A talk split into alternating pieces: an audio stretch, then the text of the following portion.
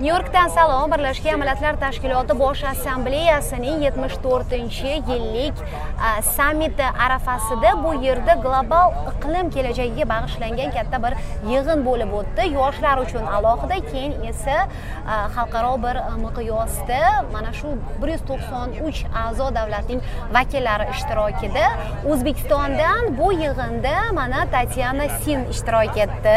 Assalomu alaykum. Xorazm viloyatidan juda ham xursandmiz sizni bu yerda ko'rib turganimizdan. Rahmat. Va bilaman butun kun mana hozir e, o'zbekiston delegatsiyasi bilan chiqib keldingiz. Iqlim taqdiri iqlim kelajagi ekologiya haqida e, gaplashgansiz. Biz tanya bilan asosan ingliz tilida gaplashamiz chunki tanya uchun bu osonroq ekan lekin mana ko'rib turibsiz o'zbek tilini biladi bu ishtirokchi. Tushunaman. Tushunadi So Tanya, you were selected to exclusively uh, represent Uzbekistan as a young environmentalist, right? Yeah. How did that process go? How did you end up here? Uh, well, actually, Un- United Nations announced that they're going to um, have this summit this year. And previously, I have been working um, uh, uh in, the, in the small program, in the small grant program under the Global Environmental Fund.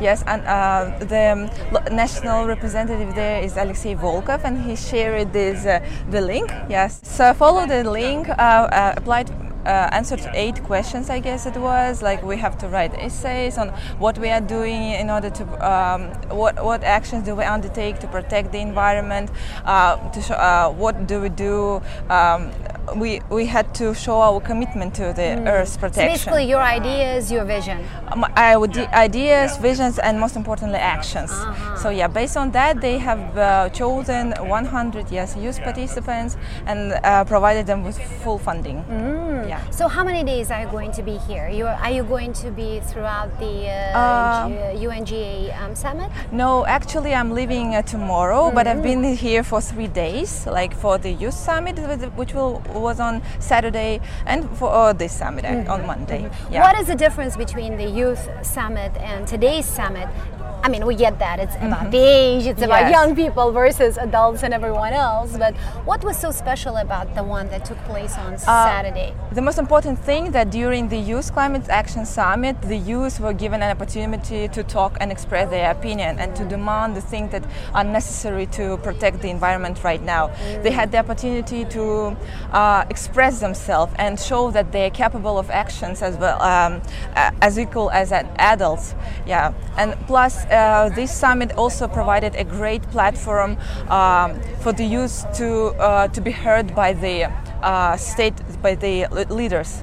Uh, youth are capable of actions, and youth are actually the future of this planet. Mm. Yes. So let's go back to Uzbekistan yeah, and sure. look at who is really advocating for the protection of the environment, who's really leading those efforts, um, let's say taking action um, against the negative uh, occurrences in the uh, in the climate, right, in Uzbekistan. Yeah. Do you, do we see a lot of young people in that contingent? Well, actually, this is the, the problem that we have in Uzbekistan. Of course, uh, the the problem is there, and um, unfortunately, small amount of people do know and realize uh, what uh, the, the, reality of it.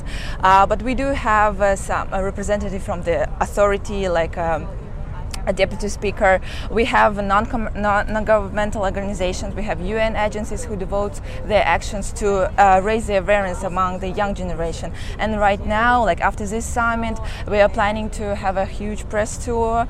Yeah, in order mm. once again raise the awareness and involve as much as many young people as possible. So we know that definitely. I mean, UN Uzbekistan, the United Nations in general, whoever yes. operates in, in, in the country, hopes that you know with your participation, with your activism, um, the uh, the awareness uh, you know campaign will get boosted, yeah, you hopefully. know, started and uh, and uh, re-energized, right? Uh-huh, right. Um, when you come to these kind of events and you know participation is interesting yeah. you know it's it's, it's an exciting uh, experience uh, but people are very cynical about the united nations in general um, well, including you know many in uzbekistan who say oh you know the united nations it's a bureaucratic bunch of agencies they talk the uh, talk but they, they don't necessarily you know change anything in reality uh, they don't really believe that these kind of mechanisms bring about real changes mm-hmm. anymore. Mm-hmm. Why do you believe in the United Nations? I guess that's my question. Uh, okay,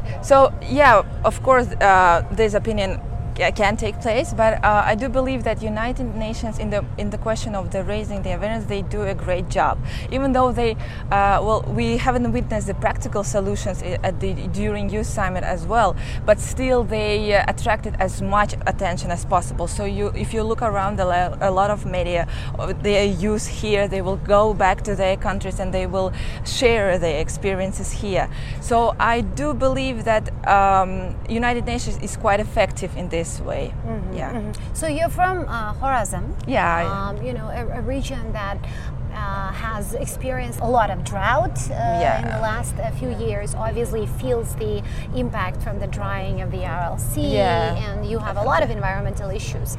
So when they ask, when the international community asks people like you about what is really outstanding, what is the most pressing issue in your country now when it comes to the climate? What do you say? I would say that it is a contamination, like both water, soil, and air. I live close to the Aral Sea, as you mentioned, and, and everything, every resource is contaminated with salt. And the other problem is um, uh, inefficient uh, use of water resources. The main uh, source of income for the majority of people is still agriculture. The water resources are not u- uh, used properly. That's why we are still are not able to revolve the Sea, and most scientists do believe that is quite Im- impossible. Mm-hmm. So this is the main environmental problems that we have today, mm-hmm. I would say. Have you been networking with other young people here? yes, I did. I did. We actually did it on our own. Well, well the, the main, uh, uh, I wouldn't say this disadvantage, but the, a way to improve this um, the summit for the future, uh, for the next year, I would say that there should be more interactive uh, workshops and seminars among young participants as well, because we got to know each other only on the third day of the week. Yeah, so it's more, it's not a complaint, but more like a suggestion mm-hmm. to have more practical workshops and seminars and a, and a chance for the youth to get to know each other and, as you mentioned, establish this network. But I did establish it. That was one of my goal, and I actually, yeah, gather uh, had, had, had established a solid network.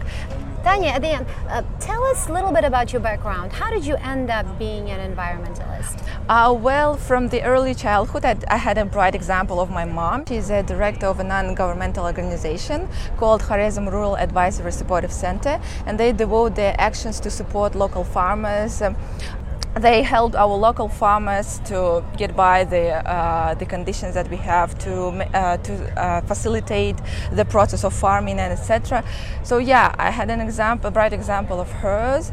Uh, then, I, since um, being a student, I tried to do my best to be involved uh, uh, in. Um, these um, international organizations such as UNDP and UNESCO. I got internships there, and plus I connected my studies. I followed my passion for the economics, but I also connected my passion to the environmental uh, environment protection. Yeah, for instance. I've been studying corporate social responsibility. This is um, uh, like a, a, way for uh, for the companies that seeks uh, seeks profit also care about the environment and lead their business sustainably. Very yeah, nice. Well, good luck. And thank, thank you, you so much. much. Thank you very much, you too. Thank you.